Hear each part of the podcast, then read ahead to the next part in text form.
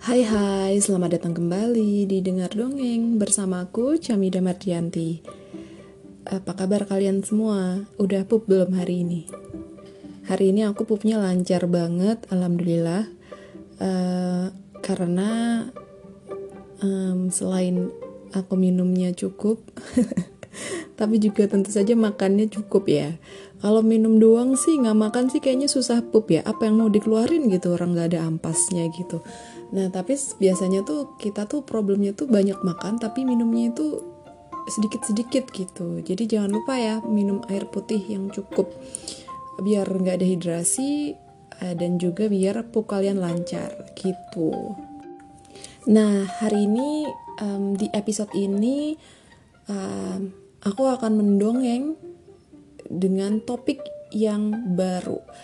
Di 13 episode sebelumnya, aku mendongeng keseluruhannya tentang revolusi agrikultur dengan segala macam dampak dan juga konsekuensi-konsekuensinya untuk uh, sapiens, untuk manusia gitu. Uh, dan juga uh, tentu saja ada dampak-dampaknya untuk para binatang-binatang uh, dan juga tumbuhan gitu ya. Nah, um, episode ini akan masuk ke topik tentang penyatuan manusia. Jadi, um, ketika revolusi agrikultur um, manusia nomaden beralih menjadi manusia yang tinggal hidup secara permanen di suatu wilayah. Nah, di situ manusia-manusia mulai beranak pinak, kemudian seiring berjalannya waktu, semakin banyak dan semakin banyak uh, manusia-manusia uh, baru yang lahir dan populasi menjadi sangat uh, padat gitu. Sampai di milenium ini di abad ini abad ke-21 ini populasi dunia itu kalau nggak salah udah mencapai uh, eh, 8 miliar. Nah, dengan uh, ya meskipun meskipun ada juga ya kematian-kematian dalam sejarahnya yang yang terjadi gitu. Uh, ada kematian-kematian massal gitu, tetapi um, ternyata kelahiran itu angkanya masih lebih tinggi banget daripada angka kematian. Sehingga populasi dunia itu menjadi membludak banyak banget miliaran ya. Nah terus um, dengan banyaknya manusia ini gimana nih manusia bisa uh, diatur gitu? Bagaimana manusia yang dengan um, kepala yang beda-beda dengan um, berasal dengan asal wilayah yang berbeda-beda, kemudian um, bisa untuk bersatu atau paling tidak bisa untuk bekerja sama uh, bareng-bareng melakukan sesuatu atau bisa diatur gitu. Bagaimana bisa uh, manusia itu diatur sedemikian rupa yang jumlahnya udah sebanyak ini gitu. Kalau kalau kita mundur ke dongeng-dongeng yang udah uh, aku dongengan sebelumnya, um, itu cukup mudah untuk misalnya mengatur um, orang dalam satu desa yang isinya misalnya isi penduduknya adalah sekitar 200-300 itu masih mudah. Nah, tapi kemudian ketika udah lebih banyak lagi, maka kemudian muncul yang namanya um, ini ya kerajaan kecil gitu, yang dia mengatur, mengelola uh, jumlahnya sampai ke ribuan orang, ribuan penduduk. Nah, kemudian ketika lebih banyak lagi uh, perlu nih um, organisasi yang lebih besar lagi gitu dan organi yang lebih, organisasi yang lebih besar lagi ini dia berusaha untuk bagaimana bisa orang-orang yang berada di wilayah itu yang misalnya jumlahnya sudah mencapai jutaan itu bisa dikelola, bisa diajak bekerja sama.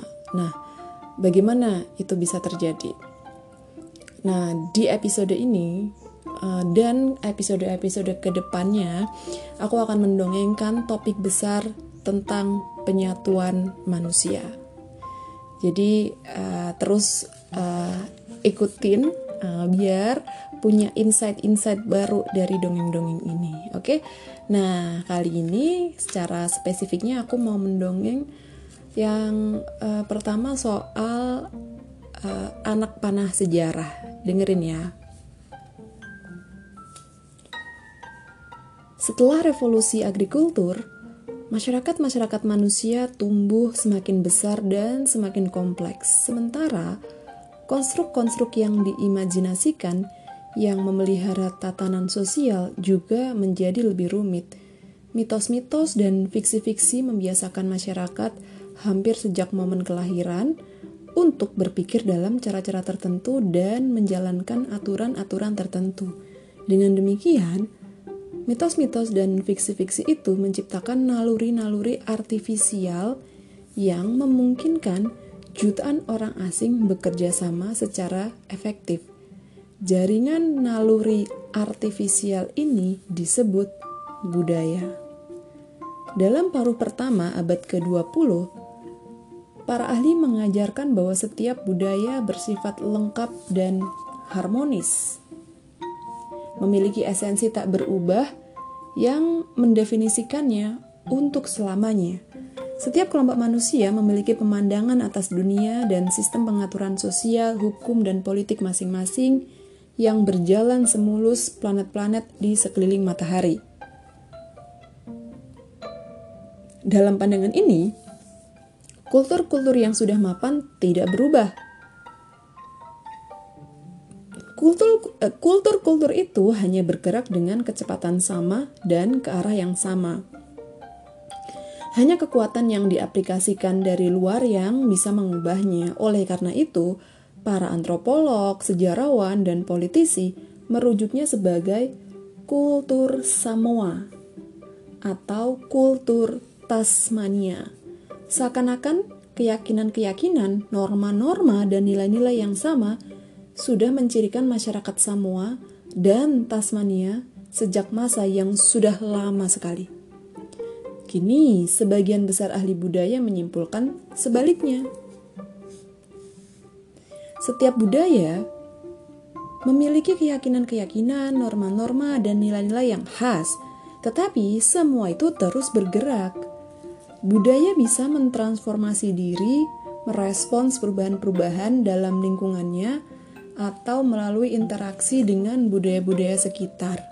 Namun, budaya-budaya juga menjalani transisi-transisi berkat dinamika internalnya sendiri. Bahkan, budaya yang benar-benar terisolasi yang ada dalam suatu lingkungan yang stabil secara ekologis tidak bisa menghindari perubahan. Tak seperti hukum fisika yang bebas dari inkonsistensi, setiap tatanan ciptaan manusia tersusun dengan kontradiksi-kontradiksi internal. Budaya-budaya terus berusaha merekonsiliasi kontradiksi-kontradiksi ini dan proses ini menggerakkan yang namanya perubahan. Misalnya nih, dalam Eropa abad pertengahan, kaum bangsawan meyakini Kristianitas, dan kekesatriaan. Seorang bangsawan biasa pergi ke gereja pada pagi hari dan mendengarkan pendeta berbicara tentang kehidupan para santa. Pendeta berkata, "Kesombongan adalah kesombongan, kekayaan, nafsu, dan kehormatan adalah godaan yang berbahaya. Anda harus naik di atasnya dan mengikuti jejak-jejak Kristus. Jadilah lembut seperti Dia." Hindari kekerasan dan kemegahan, dan jika ditampar, sodorkan pipi yang satunya. Begitu kata pendeta. Pulang ke rumah dalam suasana hati yang lembut dan tafakur, bangsawan itu akan berganti pakaian dengan sutra terbaiknya dan pergi ke perjamuan di istana rajanya. Di sana, anggur mengalir seperti air. Penyanyi menyanyikan Lancelot and Guinevere dan para tamu bertukar kelakar kotor dan kisah-kisah perang berdarah. Ada seorang baron yang berseru, "Lebih baik mati daripada hidup menanggung malu." Jika seseorang mempertanyakan kehormatanmu, hanya darah yang bisa menghapuskan penghinaan itu. Dan apa yang lebih baik dalam kehidupan dibandingkan dengan melihat musuh-musuhmu lari tunggang langgang di hadapanmu dan putri-putri cantik mereka gemetaran di kakimu? Kontradiksi tak pernah terselesaikan sepenuhnya. Namun, saat kaum bangsawan, pendeta, dan orang biasa berjibaku dengannya, budaya mereka berubah. Salah satu upaya untuk memahaminya menghasilkan perang salib. Pada perang salib, para kesatria bisa menunjukkan keperkasaan militer dan kesalihan religius mereka dengan satu tebasan. Kontradiksi yang sama menghasilkan tatanan-tatanan militer seperti para kesatria Templar dan Hospitaller yang berusaha menghubungkan cita-cita Kristen dan kesatria lebih erat lagi kontradiksi juga bertanggung jawab atas bagian besar dari seni dan literatur abad pertengahan seperti kisah-kisah King Arthur dan Holy Grail. Bukankah Camelot adalah sebuah upaya untuk membuktikan bahwa seorang kesatria yang baik bisa dan harus menjadi Kristen yang baik dan bahwa Kristen yang baik menjadi kesatria yang baik. Contoh lain adalah tatanan politik modern. Sejak revolusi Prancis, orang-orang di seluruh dunia perlahan-lahan bisa melihat kesetaraan dan kebebasan individu sebagai nilai-nilai fundamental. Meskipun demikian, kedua nilai itu kontradiktif satu sama lain. Kesetaraan hanya bisa dijamin dengan membatasi kebebasan mereka yang punya nasib lebih baik. Menjamin bahwa setiap individu akan bebas melakukan sesuai kehendaknya, tak terelakkan mengubah kesetaraan. Keseluruhan sejarah politik dunia sejak tahun 1789 bisa dilihat sebagai serangkaian upaya untuk merekonsiliasi kontradiksi ini. Siapa pun yang sudah membaca novel Charles Dickens tahu bahwa rezim-rezim liberal abad ke-19 Eropa memberi prioritas kepada kebebasan individu, sekalipun itu berarti menjebloskan keluarga-keluarga miskin papa ke penjara dan tak memberi para yatim kecil pilihan selain ikut bersekolah untuk mencopet.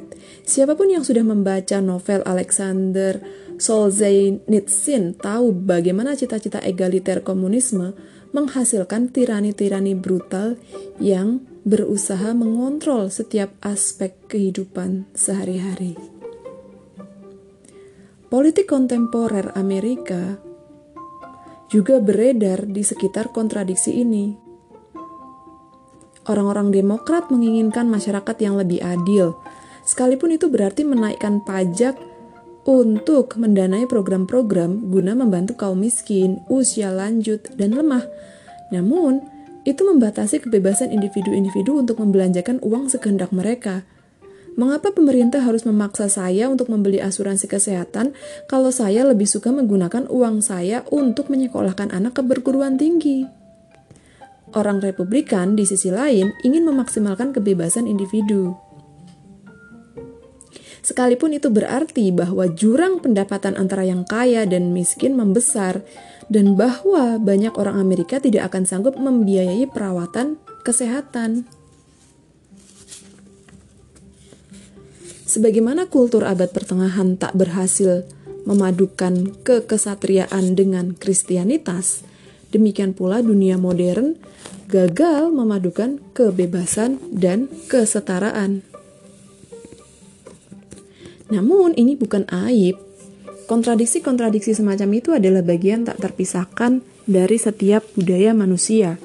Faktanya, kontradiksi adalah bahan bakar budaya yang bertanggung jawab atas kreativitas dan dinamika spesies kita. Sebagaimana ketika dua not musik yang berbenturan dimainkan bersama menghasilkan sepotong musik, demikian pula pertentangan pemikiran, ide-ide, dan nilai-nilai memaksa kita untuk berpikir mengevaluasi ulang, dan mengkritisi. Konsistensi adalah arena bermain bagi pikiran-pikiran yang bodoh. Jika ketegangan, konflik, dan dilema-dilema yang tak teratasi menjadi bumbu bagi setiap budaya, maka seorang manusia dari kultur tertentu mana pun pasti memegang keyakinan-keyakinan kontradiktif dan terbelah oleh nilai-nilai yang tidak saling bersesuaian. Hanya dengan ciri penting itulah setiap budaya bahkan memiliki nama disonansi kognitif. Disonansi kognitif sering dipandang sebagai kegagalan jiwa atau psyche manusia. Faktanya, ia justru aset vital. Kalaulah orang tidak mampu memegang keyakinan-keyakinan dan nilai-nilai yang kontradiktif, maka mustahil tercipta dan terpelihara budaya manusia mana pun. Jika Anda benar-benar ingin memahami, katakanlah masyarakat Muslim yang datang ke masjid di tengah perkampungan, jangan coba mencari seperangkat nilai-nilai murni yang dijunjung tinggi setiap Muslim. Namun, cobalah dalami Cats 22 tentang kultur Muslim, tempat-tempat di mana aturan-aturan berbenturan dan standar-standar bertentangan. Di titik tempat kaum muslim maju mundur antara dua perintah, di situlah Anda bisa memahami mereka dengan baik. Nah ini ada catatan kaki nih, terkait dengan uh, tadi kalau mau memahami uh, umat muslim yang berbondong-bondong datang ke masjid di kampung tuh, cobalah dalami Cats 22. Apa itu Cats 22? Di sini dijelasin, istilah itu adalah istilah untuk menggambarkan situasi yang paradoks yang diambil dari novel satiris karya Joseph Heller yang terbit pada tahun 1961. Nah, katanya ketika membaca karya ini, um, uh, kalian akan menemukan istilah Catch 22 bahwa um, perlu juga nih untuk memahami kultur yang paradoks yang dianut oleh para umat muslim ini. Karena di situ ketika kamu memahami kultur umat muslim um, di mana uh, para muslim ini um, mereka menganut sesuatu yang kontradiktif nah di situlah kamu akan bisa memahami muslim ini dengan baik gitu oke lanjut ya sekarang tentang satelit mata-mata Kultur uh, kultur-kultur manusia itu terus mengalir. Apakah aliran ini benar-benar acak atau memiliki pola-pola yang menyeluruh? Dengan kata lain, apakah sejarah memiliki arah? Jawabannya, ya. Selama beribu-ribu tahun, kultur-kultur kecil sesederhana Eh, kultur-kultur uh, kecil sederhana pelan-pelan bersatu menjadi peradaban-peradaban yang lebih besar dan lebih kompleks sehingga dunia berisi semakin sedikit dan semakin sedikit mega budaya yang masing-masing lebih besar dan lebih kompleks. Ini tentu saja generalisasi yang sangat kasar yang hanya benar pada level makro. Pada level mikro, tampaknya setiap kelompok budaya yang bergabung menjadi mega budaya ada sebuah mega budaya yang pecah berkeping-keping. Imperium Mongolia berekspansi untuk mendominasi potongan besar Asia dan bahkan beberapa bagian Eropa hanya untuk runtuh berkeping-keping. Kristen menggait ratusan juta pemeluk baru pada saat yang sama ketika agama itu terpecah menjadi sekte-sekte yang tak terhitung jumlahnya. Bahasa Latin menyebar ke Eropa Barat dan Tengah, kemudian pecah menjadi dua dialek lokal yang keduanya akhirnya menjadi bahasa nasional. Namun pecahan-pecahan ini adalah pembalikan temporer dalam tren tak terelakkan menuju penyatuan. Mempersepsi arah sejarah adalah benar-benar masalah pandang masalah pandangan saja. Ketika kita mengadopsi pandangan mata burung tentang sejarah yang sangat terkenal yang menelusuri perkembangan-perkembangan dalam rentang beberapa dekade atau beberapa abad, sulit untuk mengatakan apakah sejarah bergerak menuju arah penyatuan atau keragaman. Namun, memahami proses proses jangka pandangan mata burung sesungguhnya adalah sesuatu yang terlalu miopik atau terlalu dekat dengan objek pandangan. Akan lebih baik kalau kita mengadopsi pandangan satelit mata-mata kosmis. Yang menyapu milenium-milenium ketimbang abad-abad. Dari pandangan semacam itu menjadi lebih tegas bahwa sejarah bergerak tiada henti menuju penyatuan. Terbelahnya Kristen dan runtuhnya Imperium Mongolia hanyalah kendali kecepatan di jalan tol sejarah. Cara terbaik untuk melihat arah umum sejarah adalah dengan menghitung dunia-dunia manusia yang terpisah yang bersama-sama hadir pada masa tertentu di muka bumi. Pada masa kini, kita terbiasa berpikir tentang planet sebagai suatu uh, sebagai satu unit tunggal. Tetapi hampir sepanjang sejarah, bumi sesungguhnya adalah sebuah galaksi utuh dari dunia-dunia manusia yang terisolasi. Pikirkanlah Tasmania misalnya, sebuah pulau berukuran sedang di sebelah selatan Australia. Iya, pulau itu Tasmania terputus dari daratan utama Australia sekitar 10.000 tahun sebelum Masehi saat akhir zaman es menyebabkan permukaan laut naik. Beberapa ribu manusia pemburu penjelajah tersisa di pulau itu dan tidak ada kontak apa pun dengan manusia lain sampai kedatangan orang-orang Eropa pada abad ke-19. Nah, selama 12.000 tahun tak seorang pun tahu ada orang-orang Tasmania di sana dan mereka tidak tahu bahwa ada orang lain di dunia luar Tasmania. Mereka melakukan perang, pergolakan politik, isolasi sosial dan perkembangan-perkembangan budaya mereka sendiri di Pulau Tasmania itu. Namun, jika merujuk ke para kaisar Cina atau para penguasa Mesopotamia, Tasmania, Tasmania itu ibarat sebuah lokasi di salah satu bulan Jupiter. Orang-orang Tasmania hidup dalam dunia mereka sendiri. Amerika dan Eropa pun adalah dunia-dunia yang terpisah dari sebagian besar sejarah. Pada tahun 378 Masehi, Kaisar Romawi Valens dikalahkan dan dibunuh oleh kaum Gota pada peperangan Adrianople. Pada tahun yang sama, Raja Caktok Ichak dari Tikal, Raja Caktok Ichak dari Tikal dikalahkan dan dibunuh oleh angkatan perang Teotihuacan. Nah, Tikal adalah sebuah negara kota Mayan yang penting sedangkan Teotihuacan waktu itu adalah kota terbesar di Amerika dengan hampir 250 ribu penghuni, ukuran yang sama dengan seangkatannya yakni Roma. Tidak ada koneksi apa pun nih antara kekalahan Romawi dan kebangkitan Teotihuacan. Romawi mungkin terletak di Mars dan Teotihuacan terletak di Venus. Berapa banyak di dunia manusia yang uh, berbeda yang hadir bersamaan di muka bumi? Sekitar 10.000 tahun sebelum Masehi, planet kita berisi banyak ribuan pada 2000 sebelum Masehi,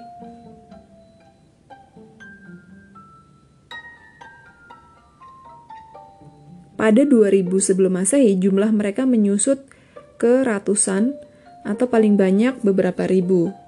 Pada tahun 1450 jumlahnya turun lebih drastis, drastis lagi. Pada saat itu menjelang abad eksplorasi Eropa, bumi masih berisi dalam jumlah yang signifikan dunia-dunia kerdil seperti Tasmania. Uh, ini tadi ini ya menyebutkan soal ada berapa banyak dunia yang ada di muka bumi secara bersamaan dan uh, jumlahnya itu ternyata jumlah dunianya itu ternyata turun uh, seiring berjalannya waktu. Namun, hampir 90% manusia hidup di sebuah mega dunia, yaitu dunia Afro-Asia. Sebagian besar Asia, sebagian besar Eropa, dan sebagian besar Afrika, termasuk potongan-potongan substantif sub-Sahara Afrika, sudah terhubung oleh ikatan-ikatan kultural, politik, dan ekonomi yang signifikan – Sebagian besar dari sepersepuluh populasi dunia yang tersisa terbagi di antara empat dunia dalam ukuran dan kompleksitas yang memadai. Yang pertama adalah dunia Mesoamerika, yaitu meliputi sebagian besar Amerika Tengah dan beberapa bagian Amerika Utara. Yang kedua adalah dunia Andea, yaitu meliputi sebagian besar Amerika Latin bagian barat. Kemudian yang ketiga adalah dunia Australia yang meliputi kontinen Australia. Kemudian yang keempat adalah dunia Oseania, yaitu meliputi sebagian besar pulau-pulau bagian barat daya Samudra Pasifik dan ha dari Hawaii sampai Selandia Baru. Nah, dalam kurun 300 tahun kemudian, raksasa Afroasia menelan seluruh dunia-dunia lain. Ia memakan dunia Mesoamerika pada tahun 1521 ketika Spanyol menaklukkan Imperium Aztec. Ia mendapat sengatan pertama dari dunia Oseania pada saat yang sama, saat pengembaraan dunia Ferdinand Magellan dan segera sesudahnya merampungkan penaklukannya. Dunia Andea runtuh pada tahun 1532. Ketika para penakluk Spanyol menumpas Imperium Inca. Orang Eropa pertama mendarat di kontinen Australia pada 1606 dan dunia murni itu berakhir ketika kolonisasi Inggris dimulai pada awal 1788. 50 tahun kemudian, orang-orang Inggris mendirikan permukiman pertama mereka di Tasmania. Dengan demikian, membawa dunia manusia otonomi itu ke dalam lingkaran pengaruh Afro-Asia. Raksasa Afroasia butuh beberapa abad untuk mencerna seluruh yang ditelannya, tetapi proses itu tak bisa dibalikkan lagi. Kini hampir seluruh manusia memiliki sistem geopolitik yang sama. Seantero planet ini terbagi menjadi negara-negara yang diakui secara internasional dan sistem dan mereka juga memiliki sistem ekonomi yang sama yaitu kekuatan pasar kapitalis bahkan membentuk sudut-sudut paling terpencil di muka bumi. Kemudian mereka juga memiliki sistem hukum yang sama, yakni hak-hak asasi manusia dan hukum internasional itu valid di mana pun, paling tidak secara teoritis. Dan mereka juga memiliki sistem ilmu pengetahuan yang sama di mana para ahli di Iran, Israel, Australia, dan Argentina memiliki pandangan yang persis sama tentang struktur atom atau perawatan terhadap tuberkulosis. Nah, kultur global tunggal itu tidaklah homogen. Sama seperti satu tubuh organik tunggal berisi banyak jenis organ dan sel-sel yang berbeda, maka kultur global tunggal kita terdiri atas banyak jenis gaya hidup dan uh, juga banyak orang dari para pialang saham New York sampai ke para penggembala Afghanistan. Meskipun demikian, semuanya terhubung erat dan saling mempengaruhi dalam banyak sekali cara. Mereka bertengkar dan berkelahi, tetapi mereka bertengkar menggunakan konsep-konsep yang sama dan berkelahi menggunakan senjata-senjata yang sama. Benturan peradaban yang real itu seperti dialog termasyur orang tuli. Tak seorang pun yang bisa menangkap apa yang dikatakan pihak lain. Kini, ketika Iran dan Amerika Serikat saling menghunus pedang, Keduanya berbicara dengan negara bangsa. Keduanya berbicara dengan bahasa negara bangsa, dengan bahasa ekonomi kapitalis, dan dengan bahasa hak-hak internasional, dan dengan bahasa fisika nuklir. Kita masih berbicara banyak tentang budaya autentik, tetapi jika yang dimaksud autentik adalah sesuatu yang berkembang secara independen, dan yang berisi tradisi-tradisi lokal kuno yang bebas dari pengaruh eksternal, maka tidak ada budaya autentik yang tersisa di bumi. Selama beberapa abad lalu, semua budaya diubah hampir tanpa disadari oleh sebuah banjir pengaruh global. Salah satu contoh paling menarik dari globalisasi adalah makanan etnik. Di restoran Italia, kita berharap mendapatkan spaghetti dengan saus tomat. Di restoran Polandia dan Irlandia, kita berharap dapat banyak kentang. Di restoran Argentina kita bisa memilih antara puluhan jenis steak sapi. Di restoran India, cabai pedas dicampur dengan apa saja. Dan menu unggulan di cafe Swiss adalah coklat panas kental di bawah gunung krim yang dikocok. Namun, tak satupun makanan itu asli dari negara-negara tersebut tomat, cabai, dan kakao semuanya adalah asli Meksiko. Makanan-makanan itu baru mencapai Eropa dan Asia setelah orang-orang Spanyol menaklukkan Meksiko. Julius Caesar dan Dante Alighieri tidak pernah mengaduk spaghetti berlumur tomat dengan garpu. Bahkan garpu belum ditemukan saat itu. William Tell tidak pernah mencicipi coklat dan Buddha tidak pernah membumbui makanannya dengan cabai. Kentang menjangkau Polandia dan Irlandia tak lebih dari 400 tahun lalu. Satu-satunya steak yang bisa Anda dapatkan di Argentina pada 1492 adalah dari daging ilama. Nah, film-film Hollywood mengabadikan citra dataran Indian dengan pria-pria berkuda pemberani yang bersemangat menarik kereta-kereta pionir Eropa untuk melindungi kuil-kuil para leluhur mereka. Namun, para pria berkuda pribumi Amerika ini bukanlah pembela budaya autentik kuno. Mereka adalah produk revolusi militer dan politik besar yang menyapu dataran bagian barat Amerika Utara pada abad ke-17 dan ke-18, sebuah konsekuensi dari kedatangan kuda-kuda Eropa. Pada tahun 1492, tidak ada kuda di Amerika. Budaya pada abad ke-19 Sioux dan Apache memiliki banyak ciri-ciri yang menarik, tetapi itu semua budaya modern hasil dari kekuatan global yang sangat jauh dari kata autentik.